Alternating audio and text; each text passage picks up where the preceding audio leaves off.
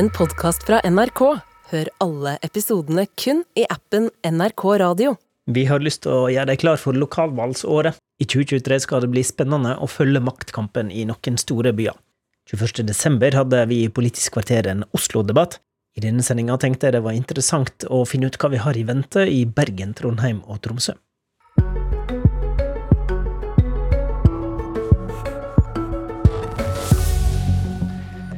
Vil Høyre gjenerobre makta i de største byene, eller vil Arbeiderpartiet klare å holde på den?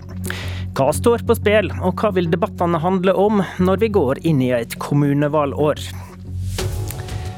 I denne romjulssendinga fra Politisk kvarter retter vi blikket mot den viktigste byen, eller iallfall den største, i vest, i Midt-Norge og i nord. Vi har med oss Eirin Eikfjord, politisk redaktør i Bergens Tidende, Siv Sandvik, politisk redaktør i Adresseavisa, og Tora Lindberg, politisk redaktør i, i Tromsø.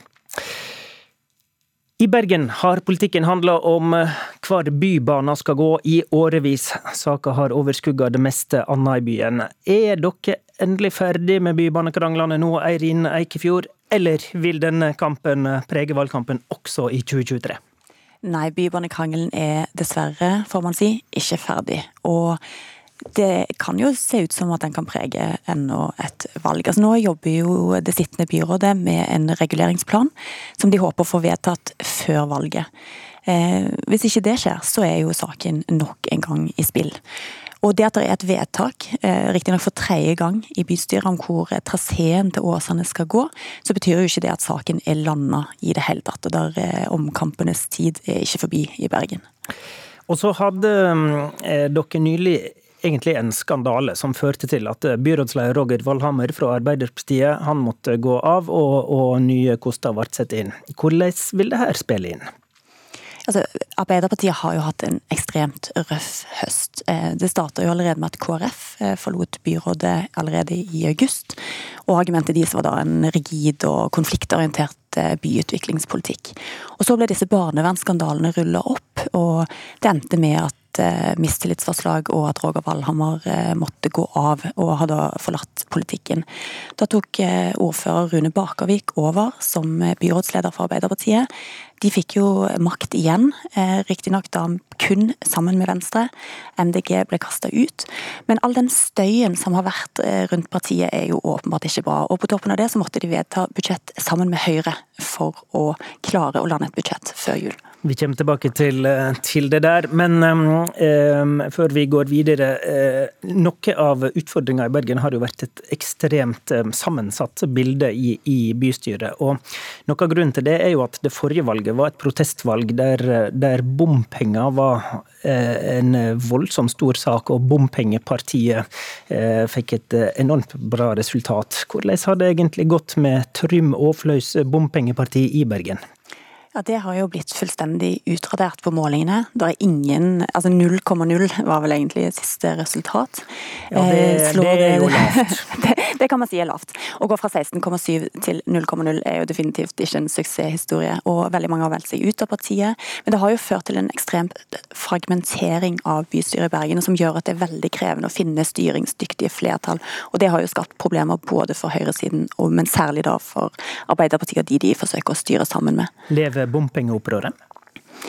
Ikke akkurat i den formen det fikk ved forrige valg, men eh, jeg ser jo ikke vekk fra at altså, samferdsel er um, tema for opprør her i byen uansett. og Det handler om bybane, det handler om bompenger. og eh, Jeg tror definitivt at det er en sak som kan blusse opp igjen eh, hvis det kommer på spissen. Men jeg tror bompengemisnøye lever i Tromsø, om jeg har forstått det rett. Kan du forklare oss hva striden står om, Tora Lindberg? Ja, eh, bompenger er faktisk noe som eh, innføres nå for eh, første gang i Tromsø på, på nyåret.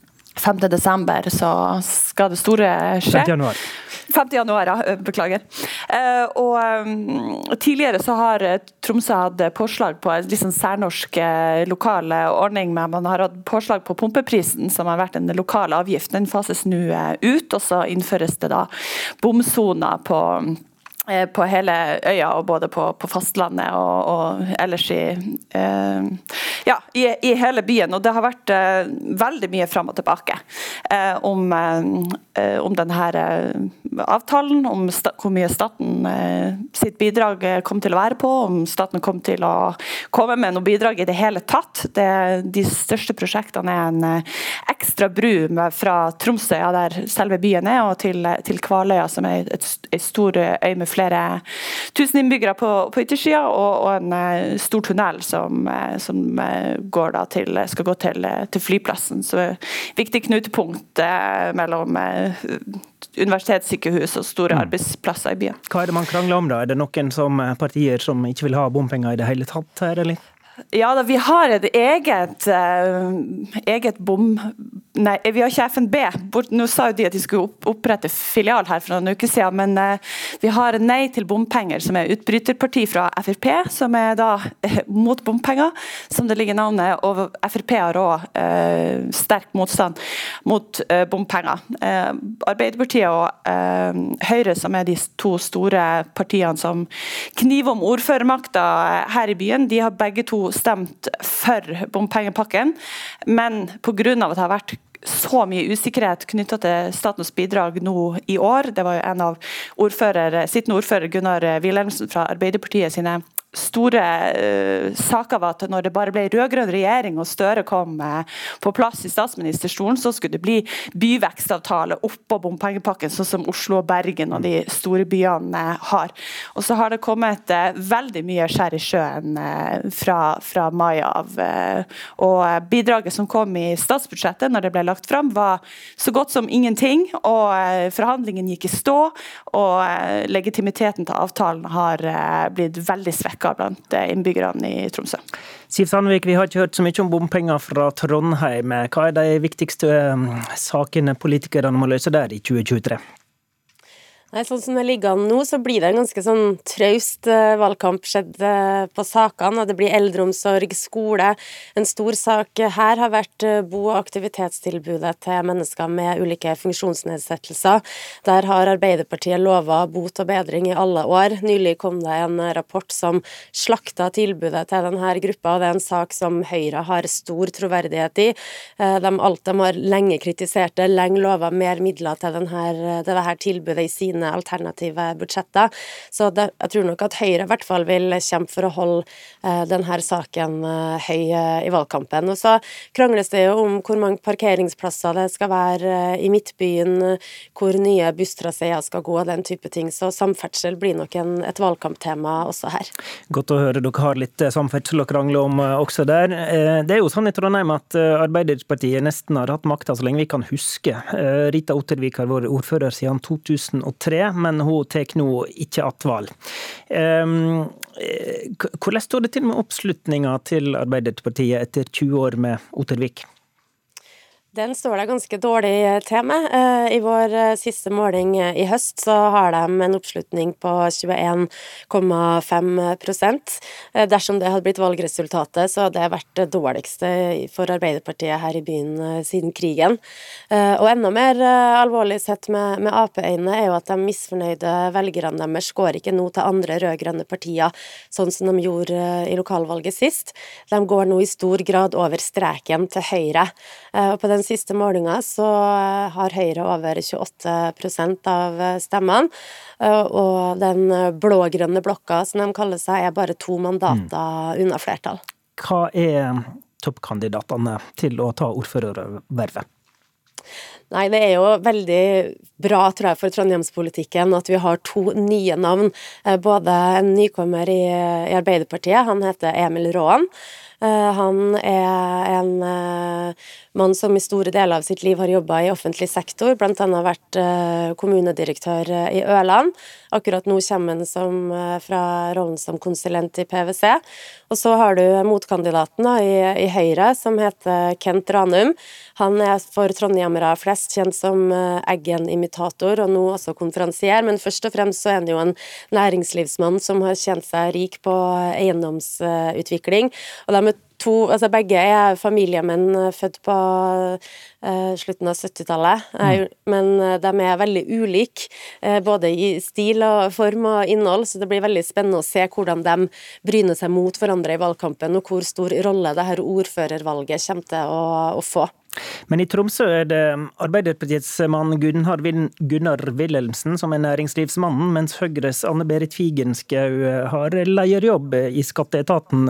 Er de i rett parti, disse to, eh, egentlig?